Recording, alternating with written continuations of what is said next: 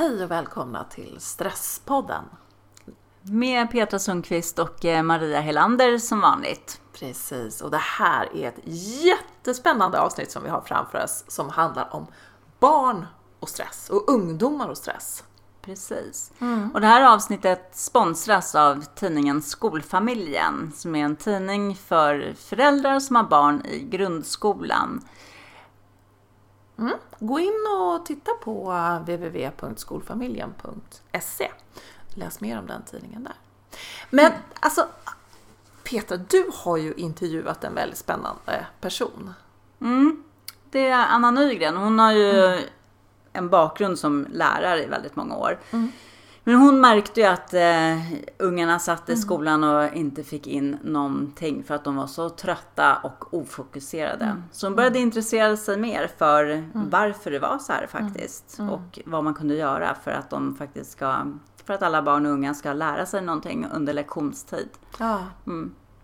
Det är inte, alltså jag, jag, jag, blir helt, jag blir så ledsen när jag tänker på det. Mm. Att stressen går neråt i åldrarna. Mm. Att barn idag mår jättedåligt. Ja, precis. Och att det unga kan mm. bli utbrända. Ja. Innan man ens har kommit ut i arbetslivet så kan man bli utbränd. Ja, absolut. Jag menar som eh, Förut så var det ju mycket kring gymnasiet och kanske mm. högstadiet men mm. nu är vi nere i lågstadiet med barn som är, mm. mår dåligt av stress. Åh, det är så hemskt när man tänker på det. Mm. Jätte, jättehemskt och då är det ju så otroligt bra att det finns människor nu då som den här kvinnan då som, har, som forskar lite på det och åker runt och, och pratar mm. om det. Precis. Informerar. Mm.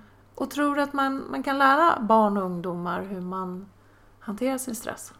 Ja, absolut. Mm. De som hon har fått möjlighet att komma i kontakt med mm. eh, förstår ju vad som händer. Så mm. vi, man ser ju verkligen att får de bara tillräckligt med kunskap mm. så äh, agerar de på den också. Åh, vad spännande! Nej, nu måste vi lyssna på den här intervjun som du har gjort.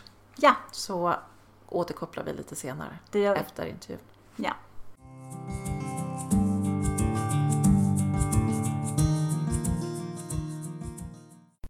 Så, hej! Nu sitter jag här utanför Uppsala med Anna Nygren som är livsstilspedagog. Vad är livsstilspedagog egentligen? Ja, det är en titel som jag själv har hittat på. Eh, den finns faktiskt inte egentligen. Ehm, jag tog den titeln när jag eh, bytte svenska och engelska mot att undervisa i livsstil. Jag är egentligen lärare från början. Mm. Eh, jag har undervisat både på grundskolan och gymnasieskolan. Men eh, när jag bytte då, eh, la svenskan och engelskan på hyllan och började förstå vikten av att ha koll på livsstilen för att, det ska, ja, för att man ska må bra och för att det ska gå bra i skolan. Mm. Så bytte jag min titel till livsstilspedagog. Mm. Lärare i livsstil. Ja. Men vad menar du? Du såg alltså att eh, livsstilen hos unga, barn och unga påverkade deras eh, inlärning då? Eller? Absolut, ja. ja det var jättetydligt. Mm. Eh, jag jobbade på en gymnasieskola i Uppsala och eh, såg tydligt att det, det var svårt, det var trögt. De eh, till och med somnade på lektionerna. De hängde inte med, svårt att fokusera, svårt att ta till sig. Och som lärare så är det väl lätt att man då först börjar ifrågasätta sig själv och vad gör man för fel och kan man göra det mer intressant och roligt och spännande sådär. Men jag kom fram till att det faktiskt hängde mycket på att de sov för lite. Mm. Och då väcktes mitt intresse för livsstilsfrågor och jag lärde mig mer inom sömn, stress, hjärna och beteende och utbildade mig mer och mer och mer inom livsstil för att få kunskap om och förståelse för hur man kan jobba i, framförallt i skolan med eh, barn och ungdomar kring livsstilen och hur, hur otroligt stor påverkan det har på resultaten i skolan. Mm. Och när man läser det som du har skrivit och det som du också pratar mycket om på dina föreläsningar och sånt så är det här väldigt kopplat till ungas stress idag. Ja, stress är ju en, en stor faktor och man ser ju i flertalet studier att stressen ökar hos svenska elever. De känner sig eh, stressade och det kan man ju också se hos vuxna människor idag så det hänger ju också ihop. Mm. Men det sjunker allt längre ner i åldrarna? Ja, jag förstår. ja det gör det. När jag började jobba med det här så var det främst gymnasieelever som, som jag mötte som, som hade stressproblematik. Eh, Nu jag, får jag förfrågningar att komma ända ner till lågstadiet för att prata om stress hos elever. Men vad, vad, hur ser du, vad beror det här på? Ja, det finns ju ingen, eh, inget generellt svar på vad det beror på. Eh, det kan ha många olika eh, skäl. Det kan finnas saker som har hänt inom familjen.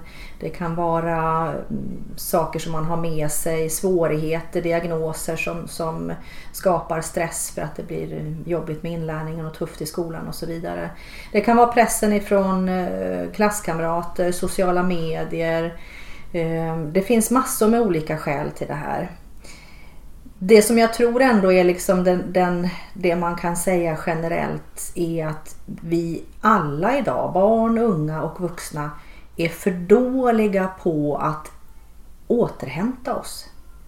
Mm. Att stress i sig är inte farligt. Eh, Stress är egentligen eh, bra. I grunden så är det en överlevnadsfaktor. Mm. Det är stressen som får oss att våga göra saker, att byta jobb eller göra något man egentligen inte vågar. Att få det här extra lilla modet och ta sig vidare i livet. Det är också det som räddar livet på oss när vi går över gatan om det skulle komma en bil som vi inte har sett och så vidare. Så stressen i sig är inte farlig men däremot bristen på återhämtning det skapar negativa konsekvenser. Och så jag skulle nog säga att det faktiskt är så att vi är för dåliga på att kompensera den stress som vi har i vår vardag. Mm. Men eh, barn, och inte de lite mer stresståliga då än, än vuxna? Eh, Ja, de brukar vara bättre på att hitta återhämtning, speciellt de yngre barnen som är ute och leker till exempel och, och kan vara mer här och nu. Om de fortfarande gör det. Sitter de däremot med, med skärmar och fastnar i, i det beteendet snarare än, än den gamla traditionella uteleken så blir det inte så mycket återhämtning utan ännu mer stress eftersom skärmar, tillgänglighet också bidrar till att skapa stress. Mm. Är, det, är det en av anledningarna till att eh, fler unga idag mår dåligt? Det tror jag. Ja. Ja, jag, jag tror det. Jag pratar med många elever som säger att de är väldigt stressade och flera studier visar att elever är stressade och skälen som anges till den här stressen det är skola, läxor och prov. Och då brukar jag fråga eleverna hur mycket skärmtid har ni på en dag? Ja, det kan ju vara 4, 6, 8, 10 timmar skärmtid på en dag. Mm. Och då brukar jag säga att ja, men då förstår jag att ni blir stressade över läxor och skola för hur ska ni hinna med? Men vad, när, när du då frågar en fråga om skärmtid. Då tänker jag, alltså skärmtid det kan ju vara så mycket. Det kan ju vara att jag skypar med min eh, mormor uppe i Jokkmokk och det kan ju vara att jag faktiskt sitter och eh, gör läxor eller pluggar genom skärmen.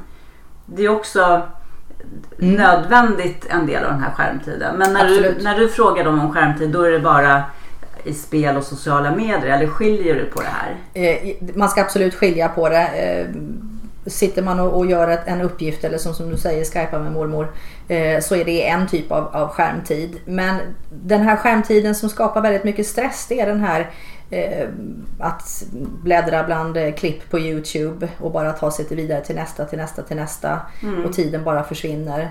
Eh, som sagt sociala medier som kan också sluka väldigt mycket tid. Läsandet av bloggar för att försöka hitta hur man ska se ut och hur man ska vara för att man ska vara bra och så vidare. Eh, så absolut, man, man, man ska skilja på skärmtiden. Eh, viss skärmtid är, är nödvändig eh, och viss skärmtid eh, kan vara kul och bra. Eh, Och viss kanske faktiskt ställer till det. Jag brukar säga att skärmarna kan göra tre saker. De kan tillföra, de kan störa och de kan förstöra. Ja. Och det gäller att ha lite koll på när de gör vad. Och eh, försöka eliminera det som är förstörande skärmtid. Och minska den störande så mycket som möjligt. Och använda den där den faktiskt tillför och gör bra saker för oss. Mm. Men då undrar jag, för eh, det är ändå otroligt många föräldrar som verkligen känner sig ganska desperata kring det här med skärmtid och försöka minska det. Och det tycker jag att det är jätte, jättesvårt såklart. Hur, hur ska man göra? Hur kan man tänka som förälder för att minska det här? Mitt eh, absolut bästa tips när det gäller diskussionen om skärmtid det är att sätta sig ner med barnen och ta fram ett papper där man skriver upp att det då finns 24 timmar på ett dygn. För det är vad vi har. Det är inte mycket att förhandla om. Det finns 24 timmar på dygnet. Mm. Sen drar man bort eh, sovtiden. Och har man ett barn som är 11 år så är det 10-11 timmar som ska dras bort då från de här 24. Sen drar man bort lite tid för skola, resor till och från skolan, tid för att äta tillsammans i lugn och ro och tid för att duscha och, och borsta tänderna och göra läxor och fritidsaktiviteter och träning och sånt. Mm. Och sen tittar man på vad som blir kvar. Och säg att det blir då en eller två timmar på ett dygn som är kvar. Då kan man i familjen sätta sig ner och, och diskutera. Vad gör vi med dem? Går alla in på varsitt rum med varsin skärm? Eller sätter vi oss och spelar kort? Eller sparar vi ihop några timmar och, och gör någonting kul på helgen? Åker ut och paddlar kajak? Eller vad gör vi för någonting med den här tiden? Mm. Medvetna beslut kring de här sakerna. Mm. Och när barnen vill ha mer tid för den här planlösa surfandet och datorspelandet eller vad det kan vara för någonting.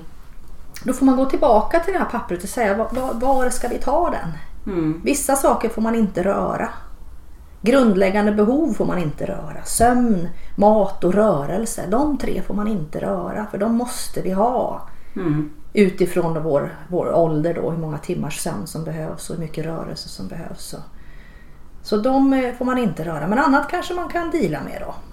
Men vad är, vad är din eh, syn på det här hur barn och unga ser på det? För att jag tänker att många föräldrar nu känner så här, gud det kommer bli ramaskri om jag sätter mig och börjar inskränka på den här tiden. Mm. Hur, hur reagerar barn och unga som du pratar med när du är ute och pratar om stress och livsstil och sånt?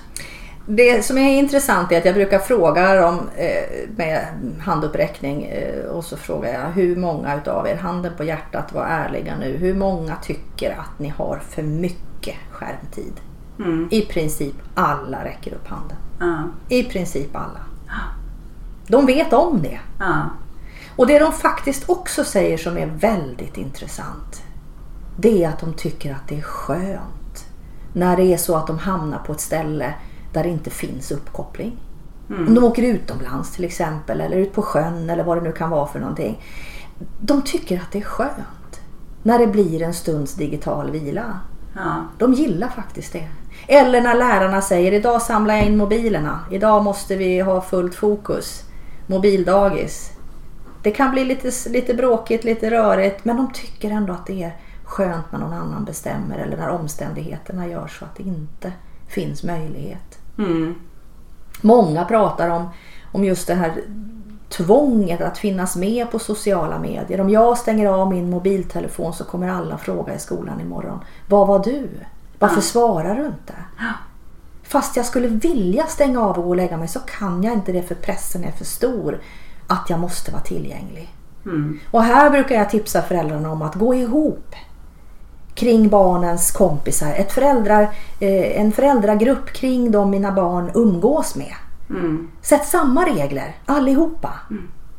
Så att ni blir starka tillsammans och, och eh, kan sätta regler och ramar. Sätta er ner tillsammans med alla barnen och föräldrarna. Prata om hur ska vi göra? Vad är lämpligt? Vad är rimligt? Mm. Och göra någonting som känns bra som man sen kan stå för som förälder och som ändå barnen kan tycka är okej. Okay. Och framförallt förklara varför. Mm. Det handlar om att de ska må bra. Det är skälet. Räcker det med att vi säger de här sakerna och sen så sitter de flesta av oss ändå hemma efter jobbet med våra både mobiler och eh, datorer och vi jobbar fast vi är sjuka och vi jobbar på mm. kvällar. Och mm. Ja, precis så är det. Fast vi vill inte att våra barn ska ha det mm. så här såklart. Mm. Och barn gör ju inte som vi säger, de gör ju som vi gör. Ja, fortfarande. Ja, det är så. Mm. Och det är, det är också så att det är vi som har lärt dem alltihopa. Vi har lärt dem alltihopa. Och vi har gett dem alltihopa. Det är vi som betalar för alla mobiler och datorer och surfplattor. Så vi ger dem möjligheterna. Mm. Oj, det där kändes lite jobbigt ja. när du lägger fram det sådär. Ja, men det är så. Det är så. Ja. Det är så det ser ut. Mm. Det är faktiskt det. Mm. Och det är väl också så att eh, vi inte riktigt förstod eh, vad det här skulle bli för någonting. Hur mycket plats och tid det skulle ta i våra liv och i våra barns liv. Så att jag tror ju att faktiskt som förälder så behöver man föregå med gott exempel här. Mm. Att inte börja med att tala om för barnen hur de ska göra. Utan att börja med att säga Hörni, hur gör vi nu i familjen? Va, va, va, hur ska vi ha det? Ska vi, ska vi köra mobilfria middagar eller, eller ska vi ha en mobilfri dag? Eller vad, vad ska vi göra? Ska vi ha begränsningar i antal timmar? Eller hur ska vi göra? Det vill säga vi, hela familjen och då ingår mamma och pappa. Då kan inte de sitta och jobba på kvällen utan de behöver föregå med gott exempel. Mm. Ja, för jag har också sett undersökningar som faktiskt ändå visar att eh, alla barn, alltså alla barn i princip, saknar tid med, med vuxna. Just precis. Och tycker att det är en av deras Mm. stora grejer i livet. Jag vet att många föräldrar brukar säga att, att när, när jag föreslår att spela kort eller ta fram ett brädspel istället för skärmarna. Nej men mina barn vill inte spendera tid med mig. Jo, jag lovar er att de vill det. Definitivt. Testa åtminstone. Mm. Så att ibland så finns det någon sorts eh, någon sorts missförstånd där från föräldrar. Eh, så prova. Föreslå någonting annat. Ge dem alternativ. Precis, men jag tror säkert också att det är så att många gånger så det blir det här ett dåligt samvete för att Oh, det kanske är att vi är själva så stressande Mm. som föräldrar Mm. och vi har, upplever att vi har så otroligt mycket att göra hela Ja. tiden. Och då blir det också ganska skönt Mm. när barnen sitter där med sina Precis. egna spel och sysselsätter sig själva. Ja. Och gör de inte det så säger vi, sätter vi datorn en stund, jag ska laga mat. Ja, precis. Så absolut, visst är det så. Och vårt dåliga, dåliga samvete är nog den, en, en, har stor del i det här. Absolut. Och sen får vi någon sorts eh, skärmpanik ibland. Sliter upp dörren och skriker stäng av datorn, ut och rör på dig.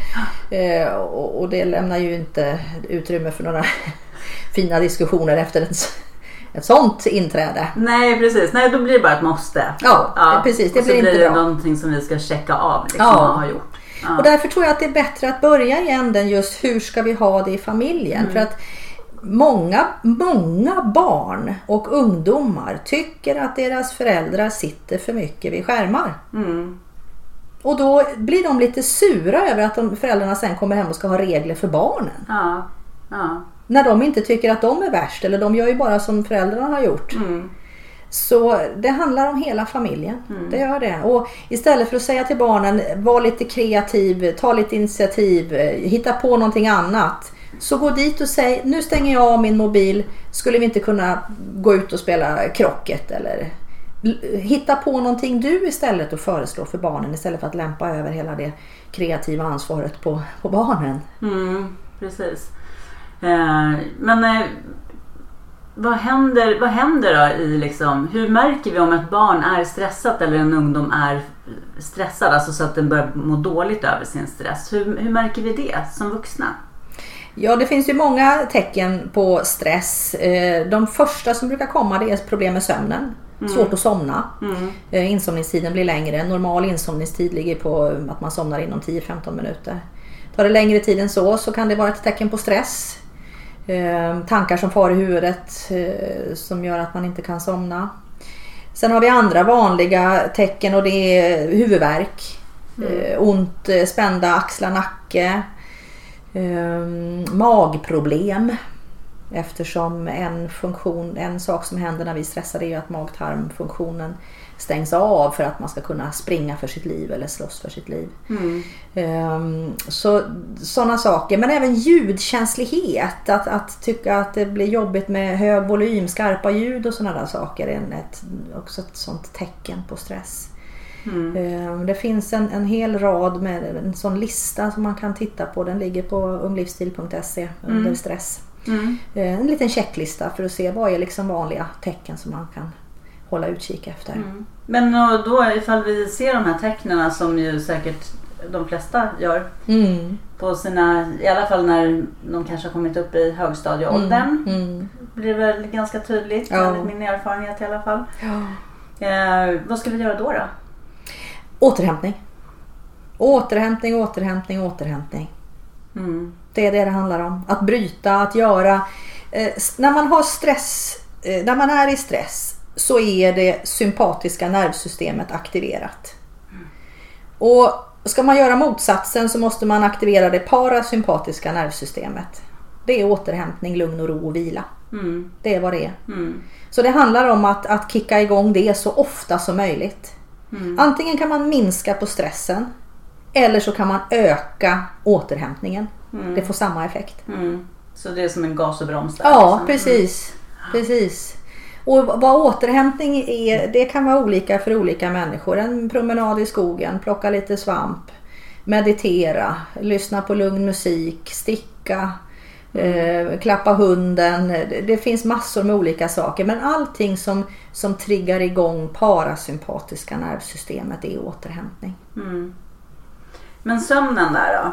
Ja, den är jätteviktig. Ja, och det är väl den bästa återhämtningen vi kan Ja. få. Men samtidigt så är det också den som störs Precis. bland det första vid för hög stress också. Ja, de hänger, det hänger tätt ihop. Ja. En av sömnens funktioner är att sänka stresshormonet kortisol. Det är en av sömnens funktioner och därför är det så viktigt att sova för att minska stressen. Att ha en, en lägre, en lagom nivå av, av kortisol när man vaknar. Det får man om man har sovit tillräckligt mycket under natten.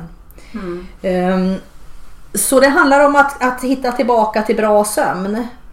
Och det gör man om man minskar på stressen under dagen eller ökar återhämtningen under dagen. Men sen finns det också lite andra knep man kan göra. Det finns bra tips på det också på livsstil.se under sömn. Eh, vad man kan göra för att förenkla att somna. Att göra det lättare att somna och få bra sömn. Det kan vara att lyssna på avslappningsövningar till exempel. Räkna får är inte så tokigt. Det är riktigt bra. Det är faktiskt det. Ja. För det, det som händer är att man kan ju inte älta problem när man räknar får. Utan då kan hjärnan faktiskt slappna av och så kan man somna. Så det är faktiskt ett riktigt bra gammalt sånt där trick. Mm. Det gäller att man kan hålla koncentrationen på fåren då. Ja, det är precis det. Så fort det blandas in andra saker så bara tänker man nej, nej, nej, jag räknar får här. Stör inte. Just det. Ja. Men eh, jag vet inte, jag, eh, min, sys- min systers son som är tonåring säger ofta så här, ja, men vadå, jag sover ju till klockan 11 på lördagen. Mm, Jag har ju fått jättemycket mer än 9 timmars sömn. mm. Spelar det någon roll vilken tid på dygnet man sover? Ja, det, det gör det faktiskt. Eh, Vi, är, vi människor är dagaktiva varelser. Och det betyder att eh, vår kroppsklocka är inställd på att, att vara aktiv under dagtid och eh, eh, passiv under natten. Ja, jag hade en eh, föreläsning här för några veckor sedan och då pratade, tog jag just upp det här med liksom att vikten av att ändå få sömn på natten. Mm. Men eh, då var det flera stycken som sa nej, jag har eh, somnat klockan ett hela mitt liv. Jag är kvällsmänniska och min biologiska klocka den, den är annorlunda, punkt. Mm. Ja, det finns skillnader. Man pratar om evening type, morning type och neutral. Eh, Så det finns vissa skillnader, det gör det definitivt. De som är uppe lite längre på kvällarna och eh, sover lite längre på morgnarna eh, är evening type. Då. De som är uppe med tuppen och lägger sig tidigt, det är morning type. Och sen finns det de som då kallas neutral. Så viss skillnad finns det, det gör det definitivt. Men... ehm, Men hur stor är den skillnaden då? Vad pratar du om? Ja, jag- jag kan inte ge dig Men kan det siffra. handla om, pratar vi om ett halvt dygn? Nej, nej, liksom? nej, nej, absolut inte. Absolut inte. Jag vet att det gjordes en studie i eh, Tromsö för ett antal år sedan. Eh, där man tittade på just de här tre kategorierna. Det var mellanstadiebarn man tittade på då. Och så tittade man på skillnaden mellan sommartid och vintertid för att se hur det såg ut.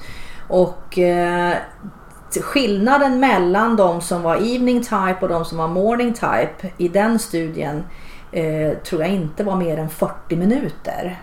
Mm. Så det, det var alltså under en timmes skillnad. Ja, okej, Ja. ja. Ehm, Så det är inga jättestora skillnader vi pratar om. Jag, jag har för mig att det finns en studie från oljeplattformar som Torbjörn Åkerstedt har gjort. Där tror jag att eh, skillnaden kunde ligga på tre timmar, den som var tidigast och den som var senast. Mm, mm. Och det handlade ju om skiftarbete han tittade på då. Ja, Mm. ja. Eh, Så att det är inga jättestora skillnader. Vi, vi är, alltså vår, vår bästa tid för sömn är början av natten. För sen fram på småtimmarna eh, tidig, tidig morgon. Då ökar ju vår kroppstemperatur och vår ämnesomsättning och natthormonet melatonin sjunker undan. Och det gör att sömnen blir ytligare. Och en ytligare sömn ger fler uppvaknanden och ju fler uppvaknanden man har desto större risk har man då för kortare sovtid. Mm, okej. Så att mm, den bästa tiden för att få kvaliteten och få alla fem olika sömnstadier det är början av natten helt enkelt. Mm. Så att sova till 11 har inte samma kvalitet. Det, det har inte det och det ser man just i studierna av nattskiftarbetare. Mm. Ja, tråkigt och sorry alla Ja, jätteledsen och det, de blir mycket, mycket besvikna när jag pratar om det här. Så är det. Men, men det här är också det som man har tittat på nu. Nobelpriset gick i år till Kroppsklockan. Helt fantastiskt. Eh, vilket gör att det förhoppningsvis, förhoppningsvis nu blir mer förståelse för varför det är så vansinnigt viktigt för oss att sova just på natten och att hålla regelbundenheten. Sova ungefär samma tid varje dag oavsett om det är tisdag eller lördag, lov eller skolvecka, sommar eller vinter. Mm. Det är jätteviktigt och där är forskarna eniga. Regelbundenhet mår vi bäst av. Mm. Ja, så det går inte att lura kroppsklockan helt enkelt. Du kan, du, så du kan lura kroppsklockan, det går jättebra. Den är jättelätt lurad. Ja, okej. eh, du, kan, du kan vända på dygnsrytmen på bara någon vecka, det är inga problem. Men du kommer ju må därefter också. Men vad är det, så- kan du enkelt säga vad är, vad är det som händer då när vi vänder på dygnet? Vad är det liksom som... Ja, alla som har varit ute och rest och haft ett jetlag Mm. vet ju att eh, det är inte riktigt redigt i huvudet precis. Nej. Man blir liksom lite trött i skallen, lite suddigt, lite luddigt. Den kognitiva förmågan sänks. Mm. Det blir svårare att använda skallen helt enkelt. Mm. Det här är någonting man kan se hos elever. Måndag, tisdag, onsdag när de har vänt på dygnet och varit uppe sent fredag, lördag och sovit sent lördag, söndag. Och Det är så tydligt? Ja, alltså? ja, ja, ja, absolut. Det blir Ja. mycket svårare att använda hjärnan. Mm. Det är det första man ser. Mm. Men sen kan man också se en koppling till nedstämdhet. Är, forskarna börjar nu titta på om det finns en koppling mellan depression och att just vrida på den här kroppsklockan. Mm. Eh, när det gäller då ungdomar kommer man att titta närmare på. Man ser det hos vuxna. Ehm, Men sen har vi också de lång, långtgående effekterna och där ser man ju då kopplingar till eh, diabetes typ 2 eh, och hjärt-kärlsjukdomar, viss form av cancer till och med. Mm. Så att kroppsklockan är, ska man alltså inte hålla på och lura. Det går att lura den men gör inte det. Nej. Utan eh, den mår bäst och det, då, det betyder att jag mår bäst om jag håller regelbundenheten. Mm. Det är så. Mm. Och där blir det också tydligt då hur allting hänger ihop. Om nu Ja. kroppsklockan är så otroligt viktig och för att den ska kunna då fungera som den ska. Då, Ja. Det betyder ju ändå att vi måste äta på hyfsat regelbundna tider. Vi Ja. måste få våran sömn. Just. Och det, är alltså, det blir återigen det här med den viktiga återhämtningen. Den Ja. blir automatiskt kopplad till det här. Det är liksom. helt klart, det, det, definitivt så. Och maten, precis som du säger, är också jätteviktig. Man ser vikten utav att ha att äta frukost på morgonen det är en, en väldigt viktig indikator till kroppsklockan, till klockgenerna. Att, att de ska veta att jaha nu är det morgon, nu kör vi igång systemet. Nu, nu drar alla igång sitt jobb, nu, Ja. nu går aktiviteten igång. Och att ha då regelbundenhet i frukost på morgonen, lunch mitt på dagen och middag på kvällen. Att det liksom, finns en regelbundenhet i det är superviktigt för, för klockgenerna. Så att inte frukosten dimper ner klockan ett en, en, en lördag. Det blir, det blir superstökigt här inne alltså. Det blir jättestökigt. Vad är det här? Är det frukost eller är det lunch? Det, vem, vem, är det någon som vet vad klockan är? Mm. Det, det, det blir väldigt rörigt. Ja. Eh, du, jag tänker, nu är det den här tiden när eh, det dels eh, gymnasieval närmar sig Mm. och eh, betyg närmar sig.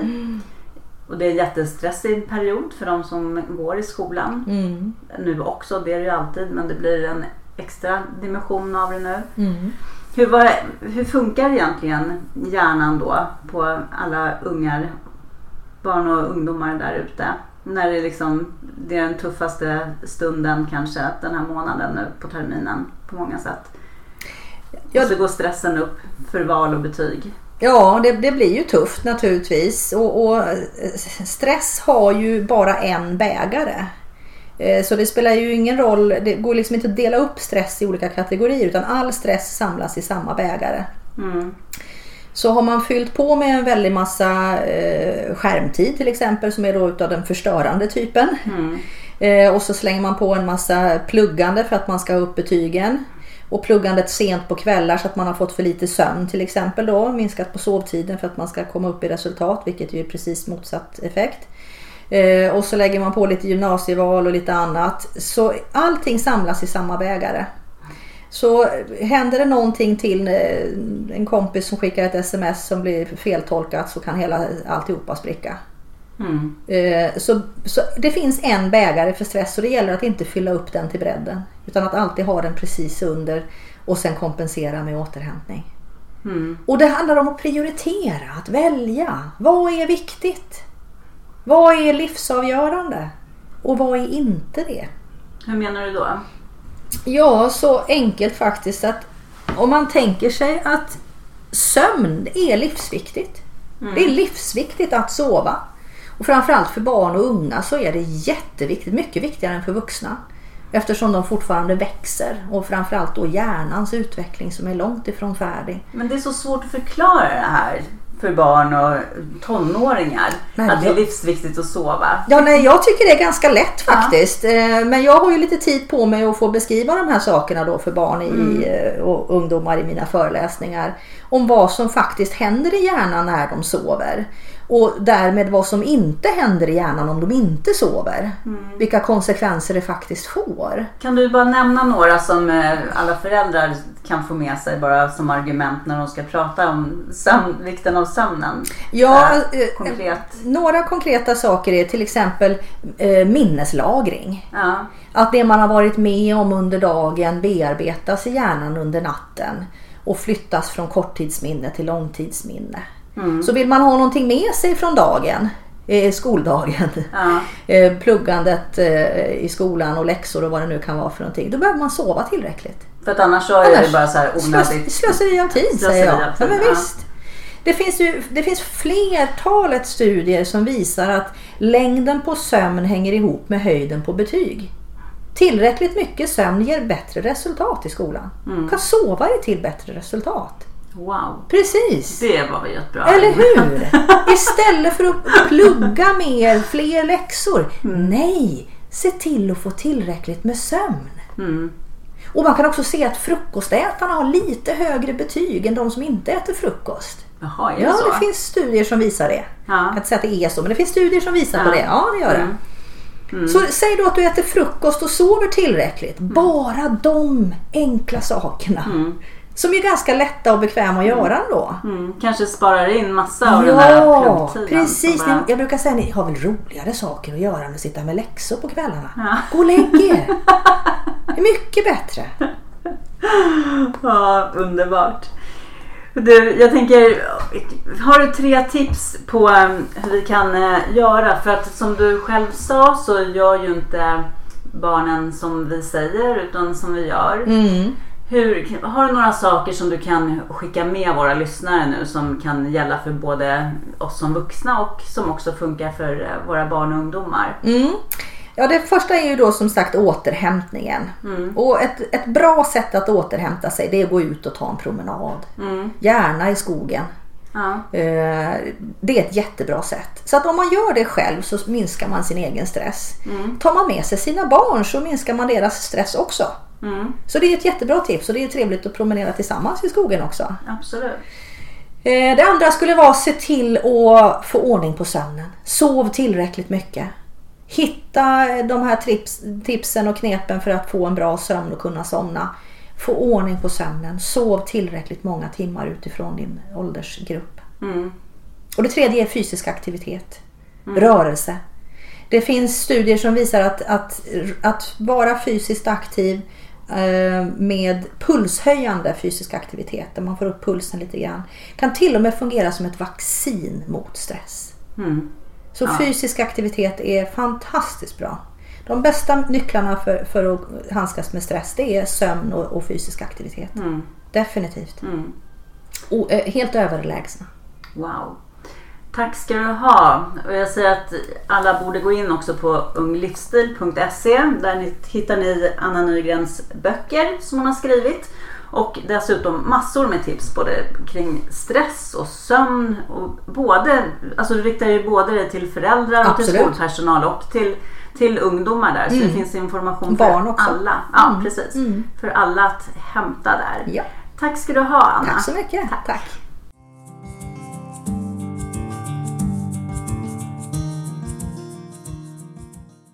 Hur var det att intervjua Anna? Jo, nej men det är ju jätteintressant. Det faktiskt. märktes. Det Ja. märktes att du tyckte att det var väldigt spännande. Det hörde Ja. på intervjun. Mm. Det tycker vi också andra. Det som jag tycker är, är så bra med henne det är också att hon verkligen har konkreta saker. För att det, är, det här är ju faktiskt svårt Ja. som förälder att eh, göra någonting åt. Ja. Det är lätt att känna sig maktlös i alla fall och man hamnar kanske lätt i det här med eh, att förbjuda saker och ting. Och det, alltså, Jag tycker inte själv att det är rätt väg Nej. att gå. För det är inte liksom att lära sina barn och sätta en massa förbud. Nej. Jag gillar det här när hon eh, säger att vi ska sätta oss tillsammans och eh, se på dygnets 24 timmar. och tänka så här, så här många timmar behöver du sova för att du ska fungera. Och så här många timmar tar din träning och så här många timmar. Och vad får vi över för Ja. tid och vad Ja. vill vi göra med den? Ja, just det. Jag gillar det sättet och det tankesättet. För då blir det tydligt. Ja, precis. Det är någonting som vi alla borde göra. Det borde vi alla göra. Sätta absolut. oss ner och fundera över Ja. vad jag lägger min tid på egentligen. Precis. Det är ju väldigt, väldigt, väldigt spännande. Ofta att man springer runt och känner sig så otroligt stressad över saker och ting. Och så kan man, när man tittar på tiden så, oj, men jag kanske om jag strukturerar min tid bättre och lägger mer tid på återhämtning så bo- borde jag inte känna mig lika stressad. Nej. Om jag, men då måste man ju alltid kapa bort någonting. Som skärmtiden här som hon pratar om exempelvis. Ja men, och, men precis. Och grejen är att om man gör på det här sättet då börjar vi ju inte där med att kapa bort Nej, någonting. Utan då ser vi ju så här.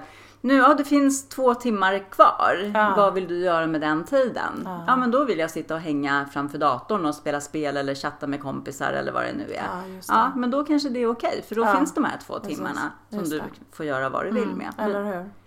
De finns kvar.